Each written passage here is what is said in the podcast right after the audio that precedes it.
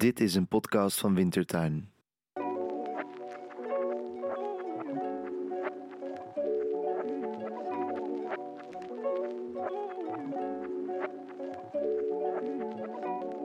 Welkom bij Het Grote Gesprek, het live equivalent van het voorgesprek. Dit is een podcast van het Wintertuin Festival, het literaire festival dat jaarlijks in Nijmegen plaatsvindt. In het grote gesprek op 18 april 2022 in Roosje in Nijmegen zijn drie gastauteurs live met elkaar in gesprek gegaan, samen met schrijver en psycholoog Marjolein Visser, over de kracht van fictie. Vandaag het laatste deel. Het grote gesprek met Connie Palme, Hanna Barefoots en Sinan Chankaya.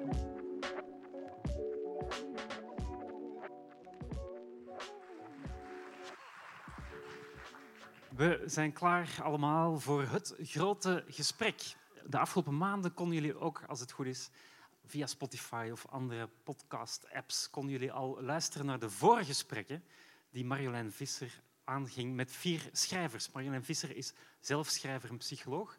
En zij sprak vier specialisten, zij ondervroeg hen, vier schrijvers, over fictie, de toekomst van fictie. Wat is fictie eigenlijk en wat moeten we daar in godsnaam mee? Wat betekent het? En ze sprak Connie Palme, specialist op gebied van fictie, gebaseerd op waar gebeurde personen en events. Ze sprak Hanna Bervoets, specialist op gebied van onversneden pure fictie.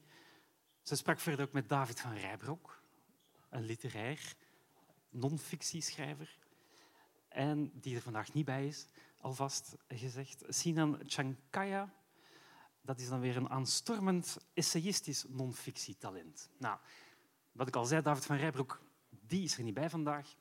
Er waren al genoeg Vlamingen. Um, maar die drie anderen wel. En daarvoor maak ik nu heel graag plaats uit de coulissen hier voor u. In willekeurige volgorde Marjolein Visser, Connie Palme, Hanna Bervoets en Sinan Chankaya.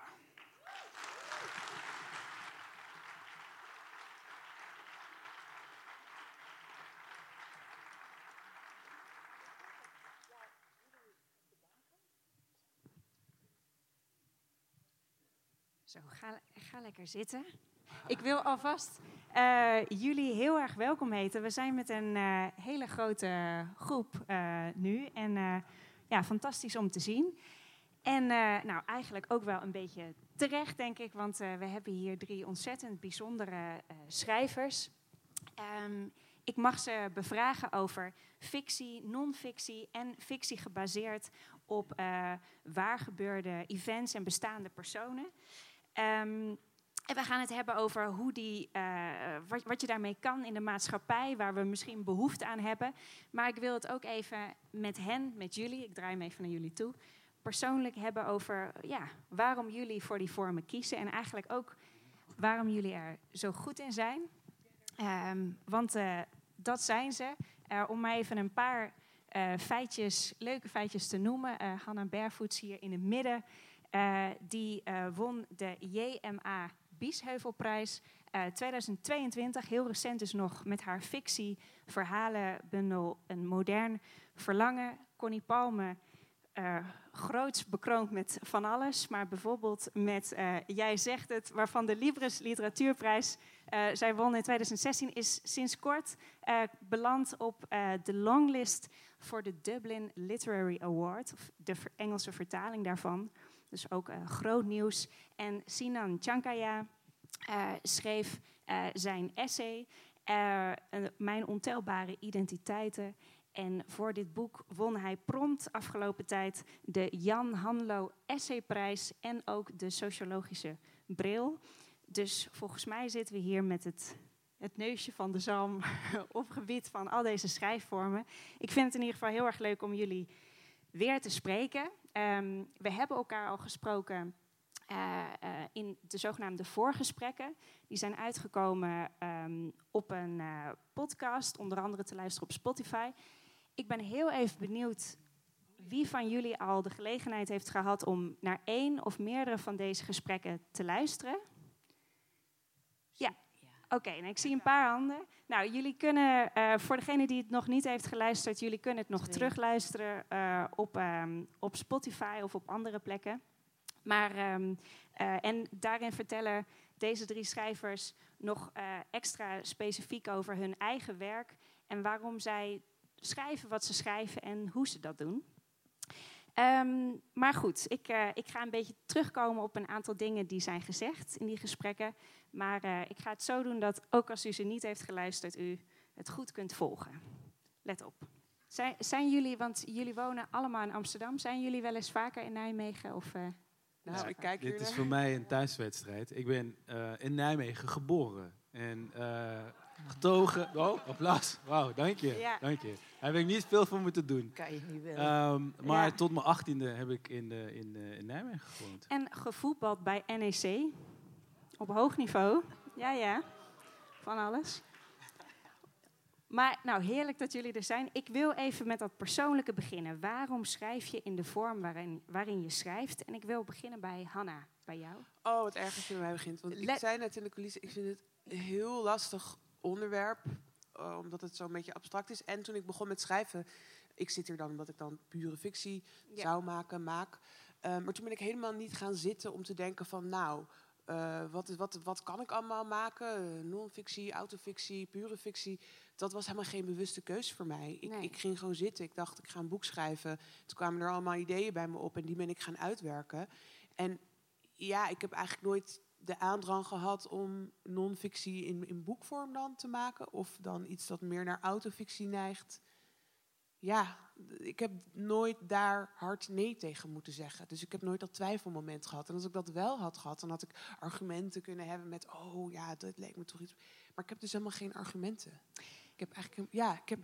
Nee, maar je, hebt, je, je zit hier wel als mens. En dat brengt mij op het citaat, eh, wat ik graag wil voorlezen van iets wat in het voorgesprek Oké, naar ja, boven dat- kwam. ja.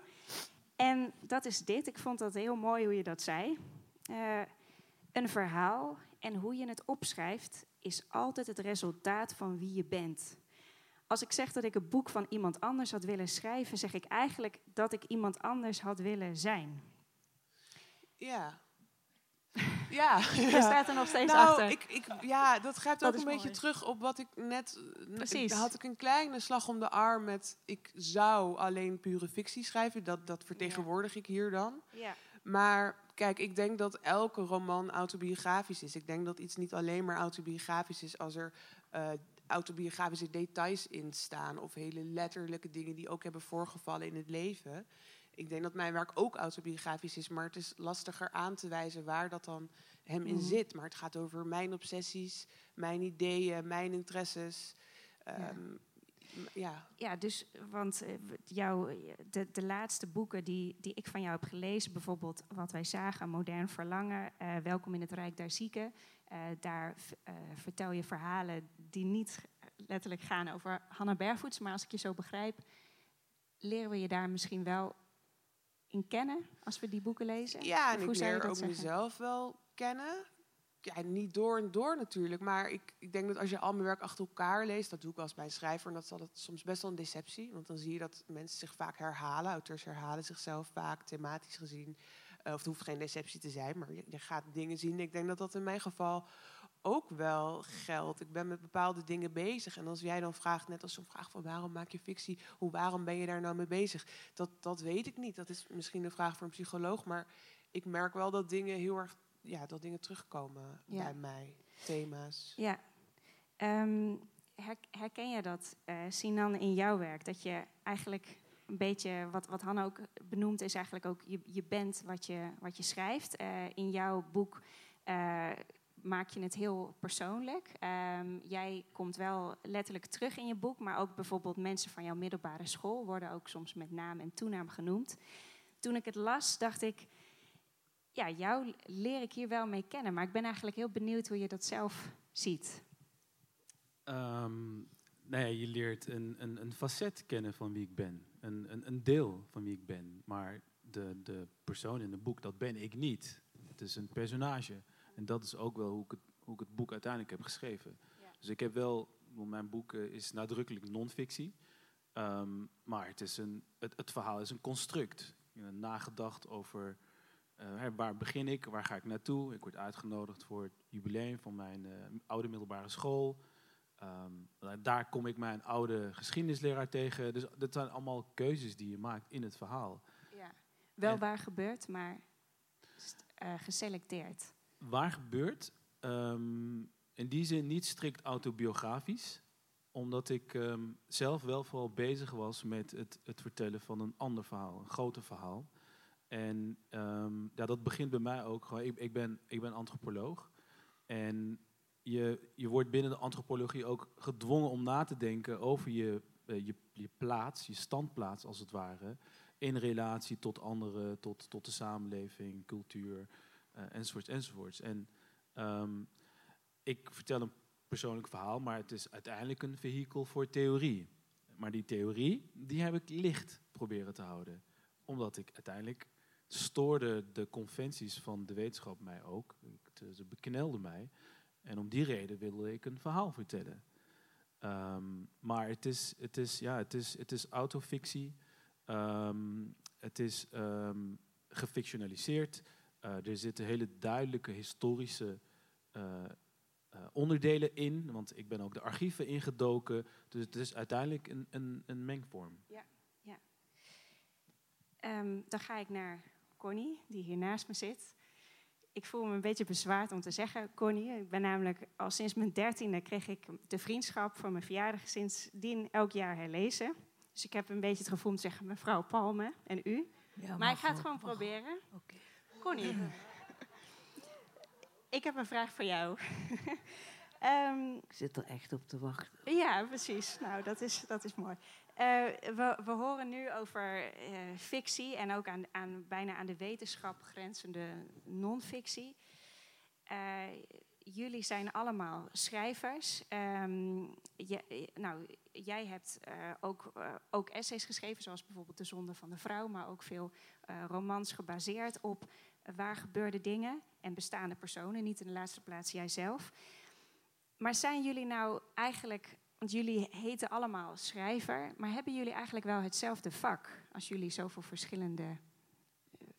Ja hoor. Ja? Ja. Ja, als je schrijft eh, en je boek is gepubliceerd, dan mag je jezelf een schrijver noemen. Niet per se een goede schrijver, maar je mag je wel een schrijver noemen.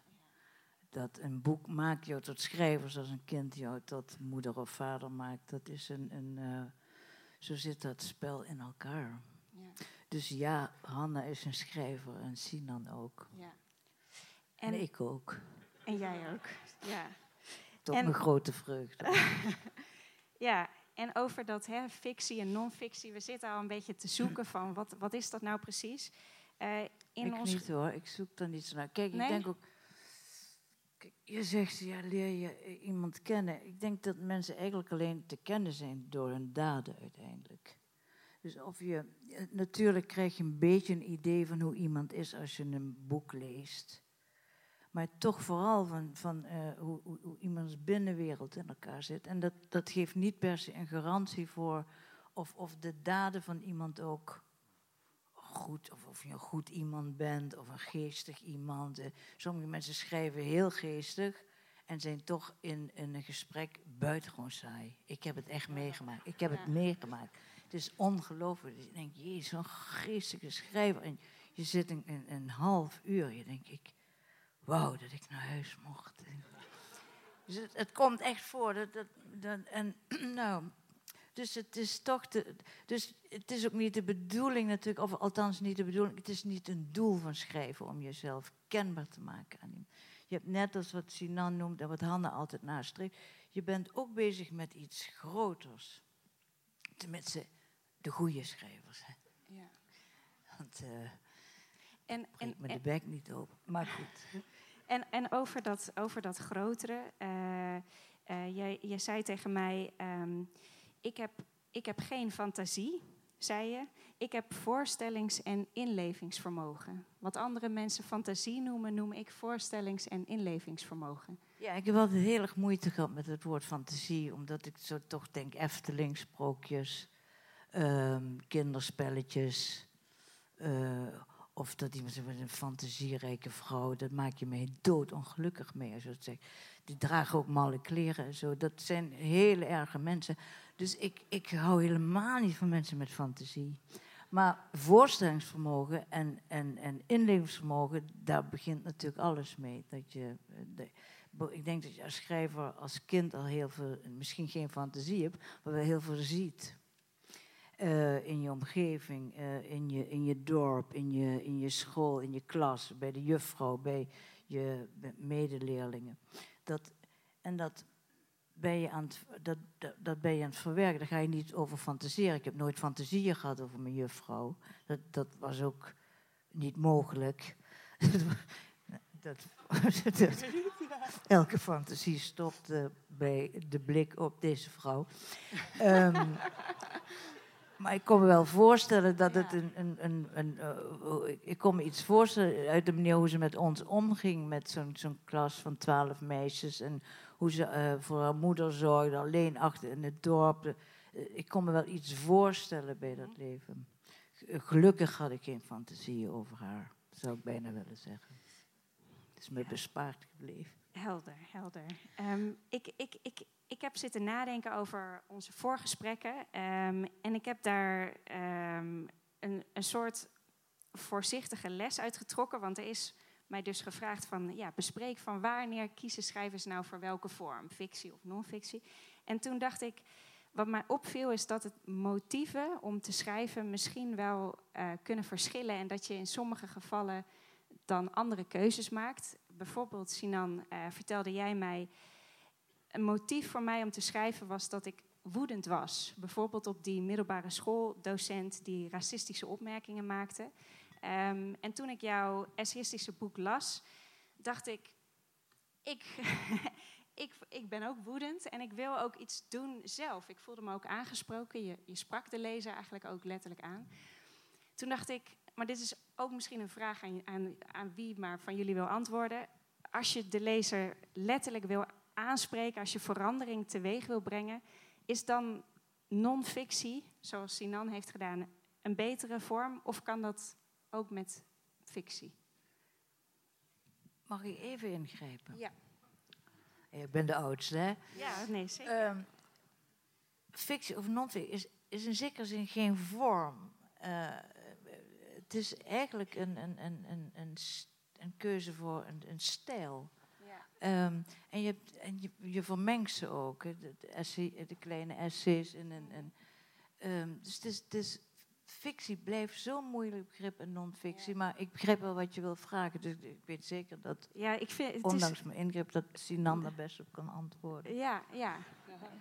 Nee. Nou ja, vol- volgens, mij, volgens mij gaat het dan uiteindelijk toch ook om, is dit waar of niet? Eh, eh, eh, pretendeert hier de auteur de, de waarheid eh, te vast te grijpen en, en is dit op de werkelijkheid berust?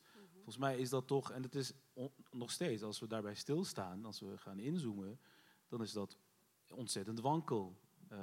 Ik bedoel, heel veel non-fictie maakt dus gebruik van literaire technieken. Dat doe ik in mijn boek ook.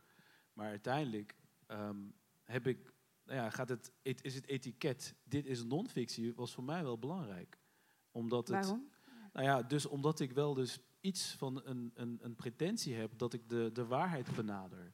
Eh, in, in, in tegenstelling tot, ik, weet- ik, ik, ik, ik bevind me op glad ijs.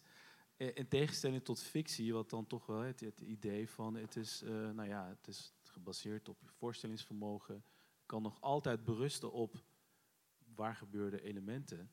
Ehm, maar ik denk, ik denk dat, eh, ja, dat etiket, dat, dat, dat, dat label van eh, Ja. dit, dit, is, dit is waar of dit, eh, dit benadert de waarheid, dat, dat vond ik zelf wel heel erg belangrijk. Maar uiteindelijk had, ik- had ik dit verhaal natuurlijk ook, niet ik per se, maar dit verhaal had natuurlijk prima gepast in een fictieve vorm. Ja, ja. Jo- eh, doet me denken aan iets wat Joseph Campbell zei, de verhalenkenner die dat heeft bestudeerd. Die zegt een verhaal gebaseerd op de werkelijkheid wint aan, aan kracht. Is dat iets wat je hebt over wa- wat je hebt meegenomen in je? Nou ja, voor mij was het niet zo'n bewuste keuze. Dus dat hele idee van een keuze suggereert alsof ik daar heel diep over heb nagedacht. Dus ik kom, ik kom uit de wetenschap. Als u, als u zich afvraagt wat ik hier op het podium doe, diezelfde vraag stel ik mij trouwens ook af. Ehm, maar ik, voor, voor mij was het dus veel een, een natuurlijke, organische bijna om te kiezen voor non-fictie als vorm. Ehm, maar waar- waarbij ik wel al wilde experimenteren met die, die fictieve elementen. Hanna, ehm, jij ehm, hebt eh, eh, verschillende eh, prachtige boeken geschreven, waaronder het boek Welkom in het Rijk der Zieken. Nu, dat gaat over omgaan met, ik zeg het, ik chargeer het even, omgaan met chronisch ziek zijn en met pijn hebben. Nu ehm, ben jij heel open over het feit dat jij zelf een bindweefselaandoening hebt. Ehm, en in dat boek ehm, praat je niet over die specifieke aandoening, maar het gaat vooral over een man met het Q-koorts vermoeidheidssyndroom. Ja, klopt.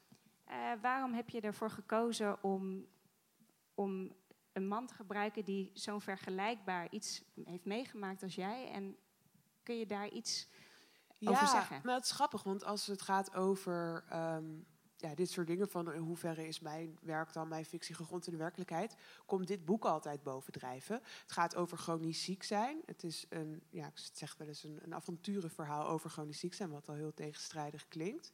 En dan ehm, ligt het autobiografische moment heel erg op de, of element heel erg op de oppervlakte. Ik heb ook een chronische aandoening, mijn hoofdpersoon ook. Vaak denken mensen dat dit mijn persoonlijkste boek is. Terwijl ik heb ook een boek geschreven over, ik heb zelfs twee boeken geschreven over ernstig liefdesverdriet. Op momenten dat ik ernstig liefdesverdriet had. Ehm, dus die boeken zijn echt net zo autobiografisch. Nou, doe maar even zo. Eh, zo niet nog persoonlijker. Dus alleen dit boek, ja, niet iedereen is chronisch ziek en iedereen heeft wel eens ernstig liefdesverdriet gehad. Dus in die zin wordt dit er dan uitge, uitgepikt. En mensen vragen dan ook van waarom niet je eigen doening? Ik, mijn aandoening heet het syndroom van Ehlers-Danlos. Ja, ik vind het heel moeilijk om weer helemaal te argumenteren. Maar dat is niet bij me opgekomen. Omdat ik dus wel heel erg van die fictievorm hou. Van het, van het nou ja, dat vind ik mooi gezegd van Connie.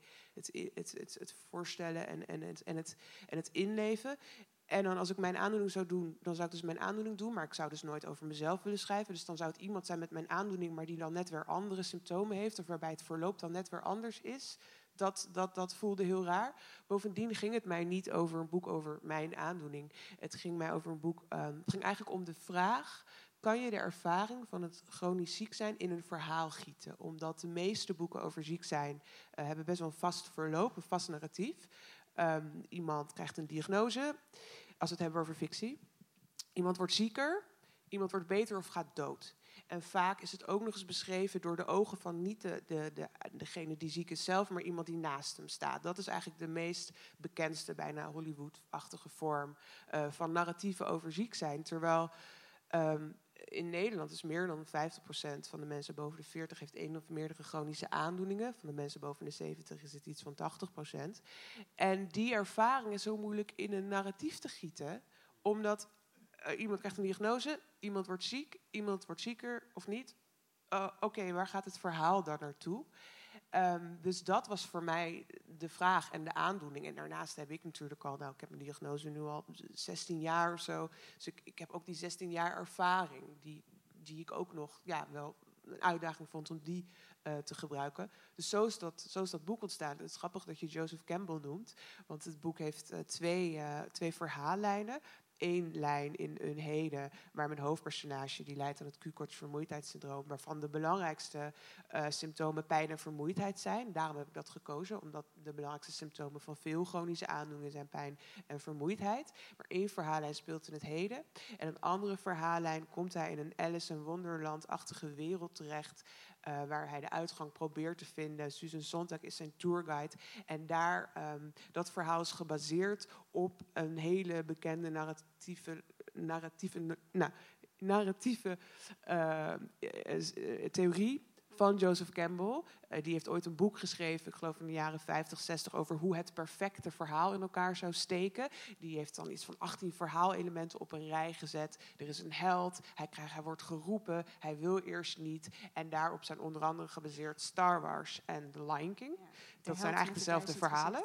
Ja. En die heb ik dan weer daarin gegoten, omdat ik het leuk vond om te spelen met een oernarratief op een verhaal over chronisch ziek zijn, wat geen verhaal kan zijn, zogenaamd. Dus voor mij is dat wat het boek is. Maar voor de buitenwereld, want toen moest ik er interviews over gaan geven, mocht ik er interviews over geven, moet ik ook zeggen, dat is natuurlijk een voorrecht dat ik erover mag praten.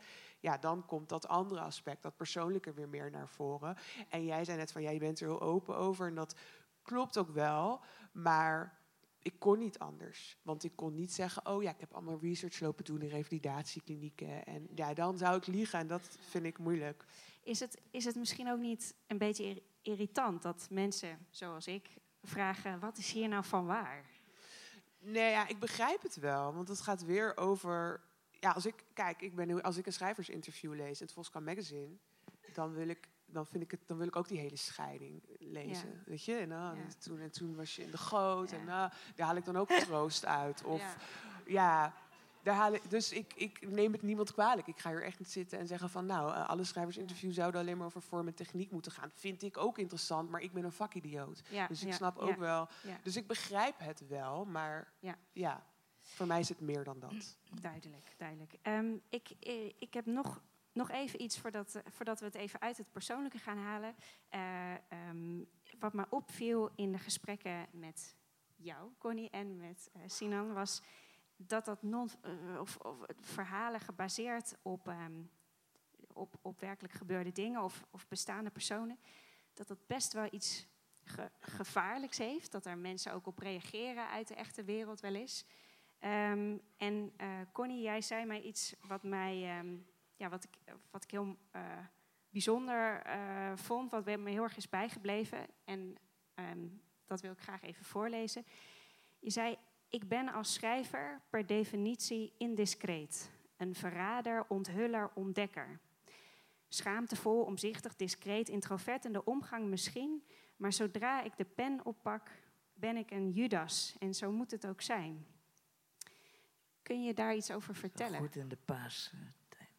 Pa- Ja, Paasmaandag. ik, ik denk, ik, ik gooi hem erin. Gooi hem erin, heel goed hoor. Ja, nee. ja, nee, elke schrijver is een Judas. Ik eh, bedoel, er is een heel beroemde uitspraak van die Czeslaw Milos. Die heeft ooit de Nobelprijs gewonnen. Ik heb verder nooit een boek van hem gelezen, maar deze ene zin ken ik wel. En dat is die hij zei, als een schrijver in een gezin geboren wordt, is het gedaan met dat gezin. En dat is zo. Waarom is Daar dat zo? de, kunnen de kinderen van Thomas Mann ook over meepraten. Ehm, waarom is het zo? Omdat je, eh, ja, dat is, niet dat is een mooie uitspraak, maar je bent natuurlijk niet als, als je geboren wordt in een gezin erop uit om dat gezin kapot te maken. Maar je gaat wel manieren zoeken om datgene waar je eh, je, je hele le- jeugd over zweeg, om dat tot uiting te brengen. Of dat nu een familiekwestie was, of eh, eh, spanningen die je in de familie voelt, of dat dat die grotere familie was, dat dorp. Ik ben toevallig in een dorp geworden, of die stad, of die, dat, dat, dat, dat klaslokaal waar zich alles in plaatsvond. Je gaat op een of andere manier zwijg je als kind en je ziet alles. Dat is denk ik wel de aard van een schrijver. Een, een observerend kind. Een, een, ik was ook een heel clownesk kind, dus eh, gewend om te verbergen wat ik allemaal zag. Met geheimen. En ik heb, weet ook wel dat, ik, dat er iets in, in mijn aard was. Ooit zal ik dit allemaal vertellen. En dat heb ik nog. Als ik soms Ja? ja, als ik En- met mensen iets, een kwestie heb, denk ik ooit. dus niet dat Ja. ik denk dat ik Heb, zo... heb, zo heb je het ook nu, op dit moment, dat je denkt... nee, ik nou, heb nu n- nergens last van. Ik heb nu niet iets dat ik denk, oh mijn god, maar dit, dit- Nee. hier ga je nog heel wat van meemaken. Nee, dat heb ik, op dit moment heb ik dat niet. Maar ik heb het bijna elke dag. ja. Dus ik, het, is, het is wel een bron van vreugde om me te ergeren aan alles en, en om mensen te denken, wat ben je toch, wat ben je toch een waardeloos iemand. Ook voor mensen wie ik heel veel houd, dat, hè, dat de haat gaat winnen van de liefde, daar kan ik bijna genot uithalen. Ik denk, hè, eindelijk kan ik die ook eens anders gaan bekijken in mijn proza. En zijn er wel eens mensen in jouw omgeving die zeggen: Kun je mij niet noemen? Oh, vanaf het begin, vanaf, ja zeker. Mensen smeken me om, eh, Ja. TVG's. om ik word ook opeens heel zwijgzaam als ik een kamer binnenkom.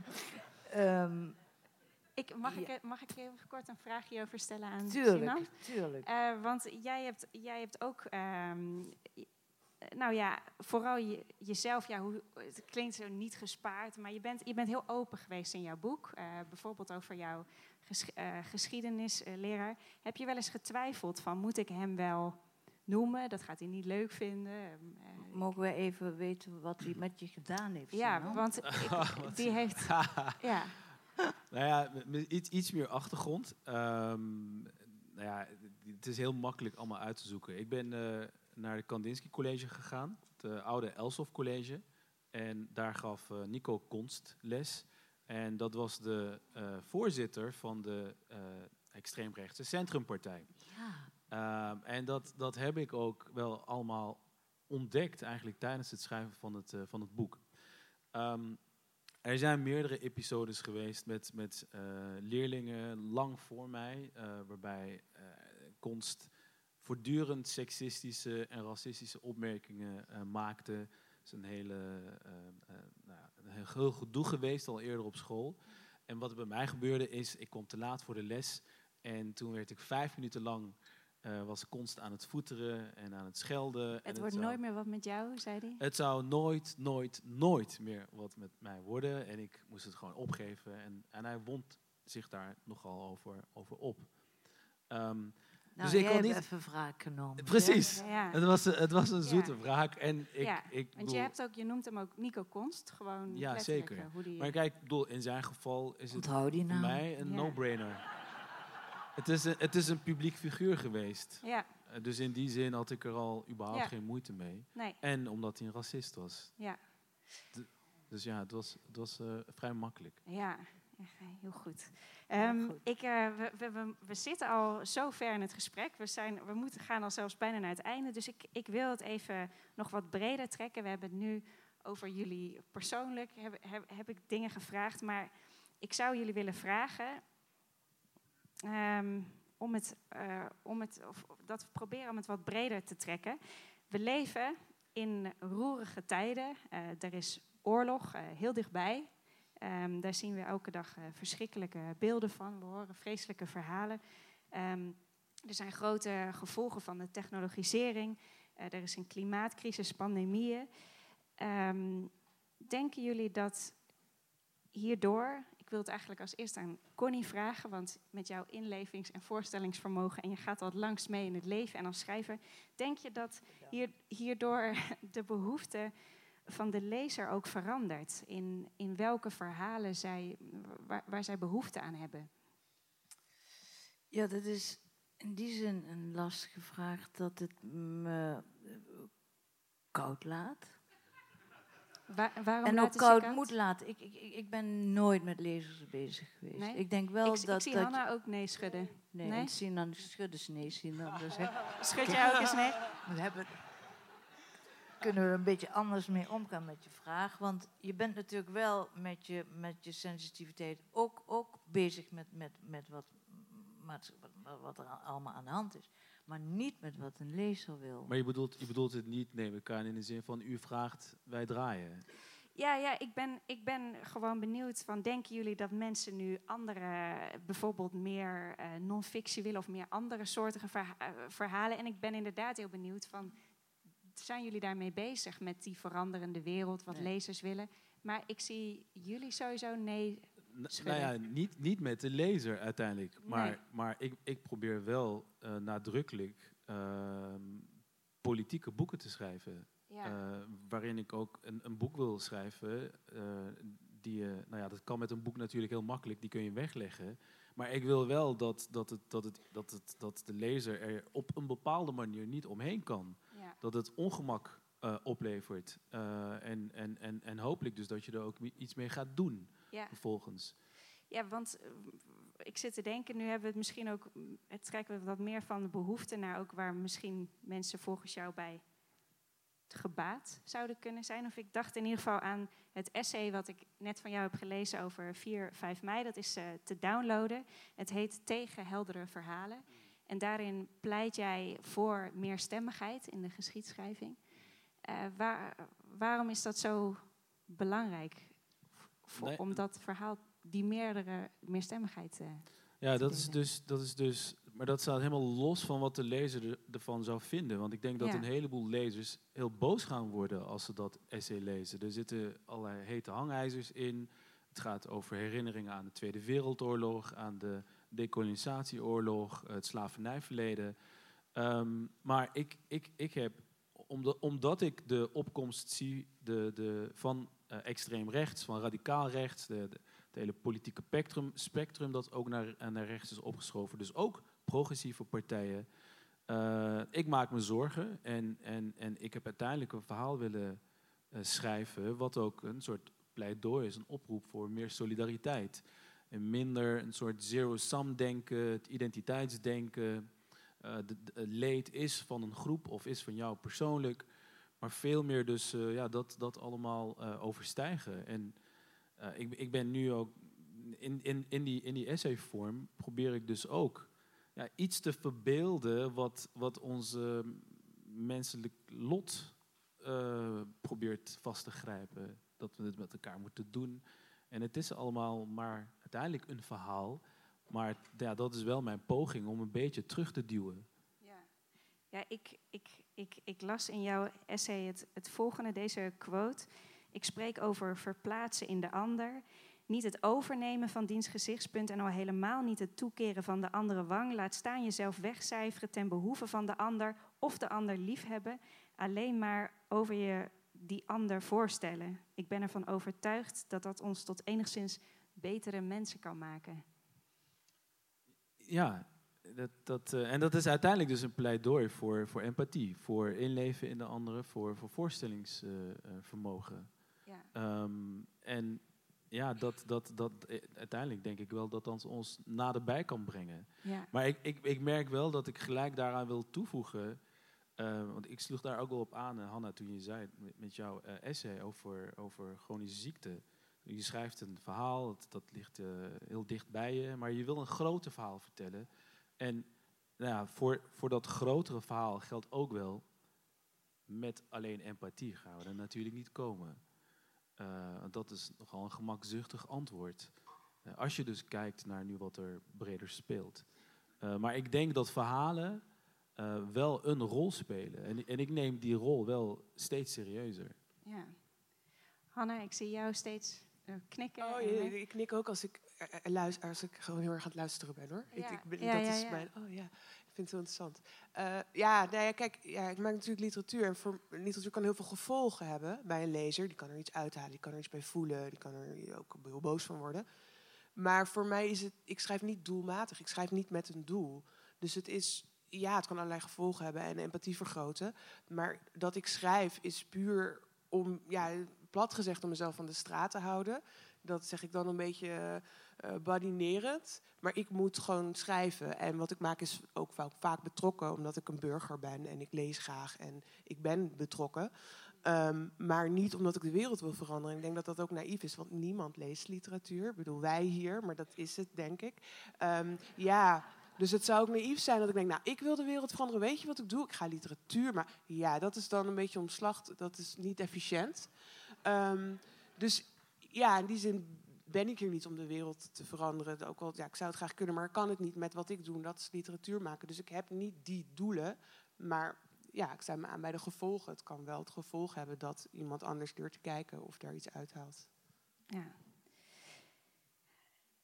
Ja, goh, ik laat, ik laat het even, even indalen. Uh, neem de tijd. Ik neem de, ik neem de tijd. Er is natuurlijk ook wel een ongemakkelijke relatie tussen literatuur, de kunsten en, en het politieke. Maar in mijn optiek uh, gaat dat samen. Ja. die, die velden staan voor mij niet los van elkaar. Ja, ja.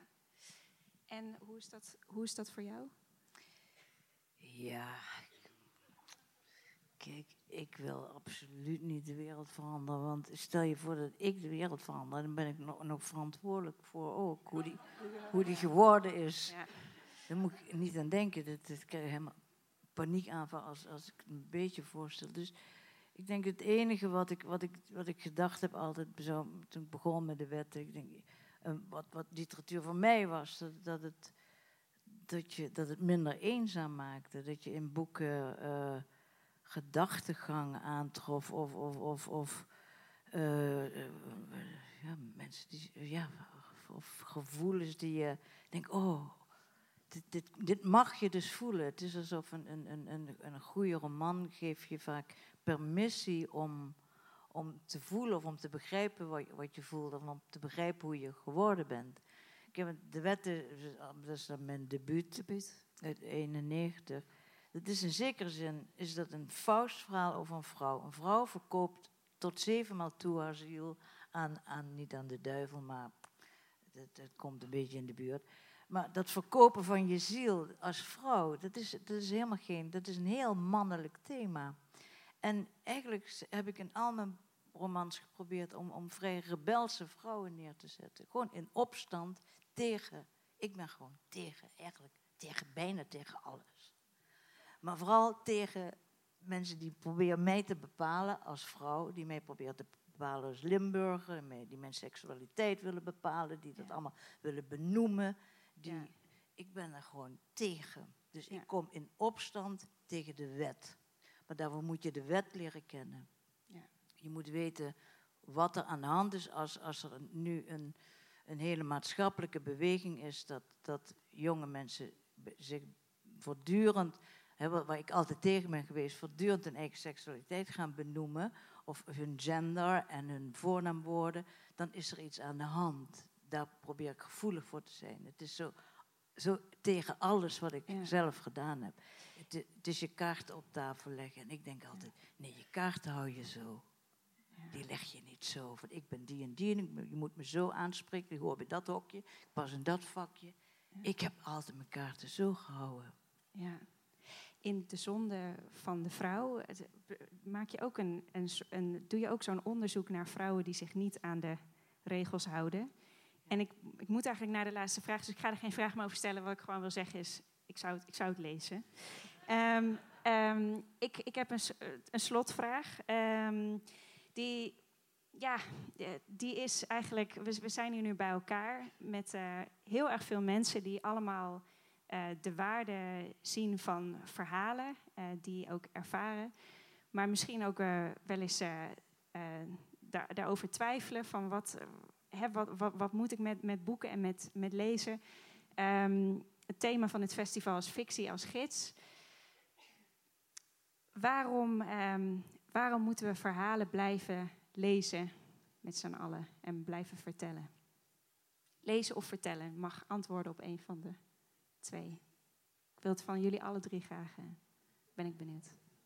Begin jij maar zien, dan kan ik er even over Jullie kijken mij, jullie kijken mij aan. Um, nou ja, omdat, omdat verhalen onder andere uh, dus ook nieuwe of alternatieve werelden kunnen creëren of, of uh, ruimte kunnen uh, scheppen. Maar ik, dan heb ik het ook over de literatuur. Eh, dat er ruimte komt voor verhalen die nu niet worden verteld, die worden gesmoord, die worden genegeerd. Uh, ik denk dus ook aan zwarte bladzijden, taboes, ongemakkelijke onderwerpen. Um, dus, dus, dus in die zin um, ja, denk ik dat, uh, dat, het, dat het natuurlijk altijd gaat om je, je iets minder alleen voelen. Um, en vanuit die verbondenheid dat, ja, dat, dat, dat, dat, je, dat, dat, dat ons wereldbeeld kan kantelen, verschuiven. Uh, dat we dingen iets anders gaan zien. En ja, dat vind ik eigenlijk al heel erg wat. Ja, dankjewel. Hanna? Ja, ik vind het altijd moeilijk te zeggen dat iets moet. Want als iets moet, wordt het meteen niet meer leuk. Dus ik wil helemaal niet zeggen dat we moeten lezen. Ik kan ook alleen ik, over, ja, voor mezelf spreken. Maar ja. ik neem de hele dag verhalen tot me ook in literatuur, maar ik kijk ook heel graag heel veel televisie. Um, en ik leef in die verhalen en ik begrijp mezelf door die verhalen. En ik kijk, ik lees en ik kijk als schrijver. Dus dan vind ik het al moeilijk om te zeggen hoe iemand die niet schrijft kijkt. Dus ik kijk ook nog met in mijn achterhoofd hoe is dit gemaakt, hoe kan ik dit gebruiken. Maar ik weet dat ik eigenlijk de hele dag eh, leef in verschillende werelden. Ik, ik trippel van de een naar de ander. Iets wat ik aan het lezen of aan het kijken ben. En iets wat jij me vertelt, dat gaat allemaal aan elkaar over. Dan maak ik daar weer wat van. En dat maakt dat ik niet helemaal gek word van onrust en angst en verdriet, denk ik. Maar wat dat met anderen doet, ja, dat, dat vind ik dan aan anderen, ja.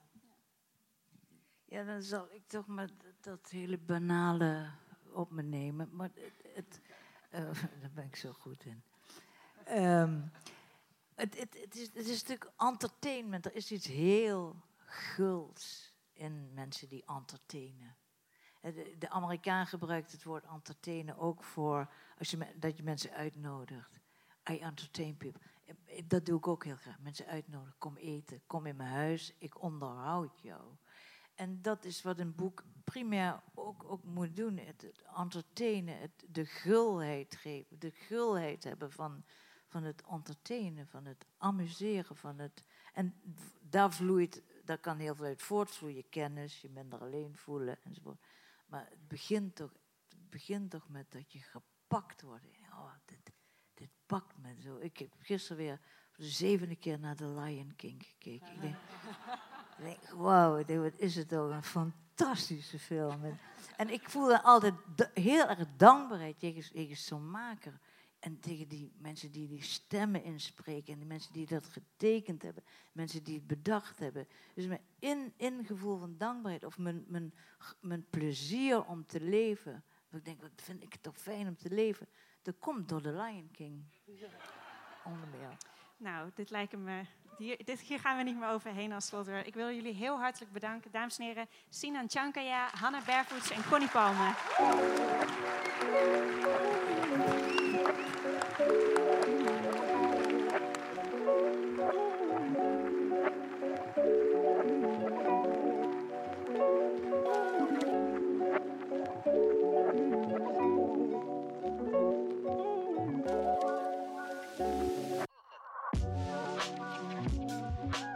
Dank voor het luisteren naar het grote gesprek. Kijk op wintertuinfestival.nl voor meer informatie. Link in de show notes.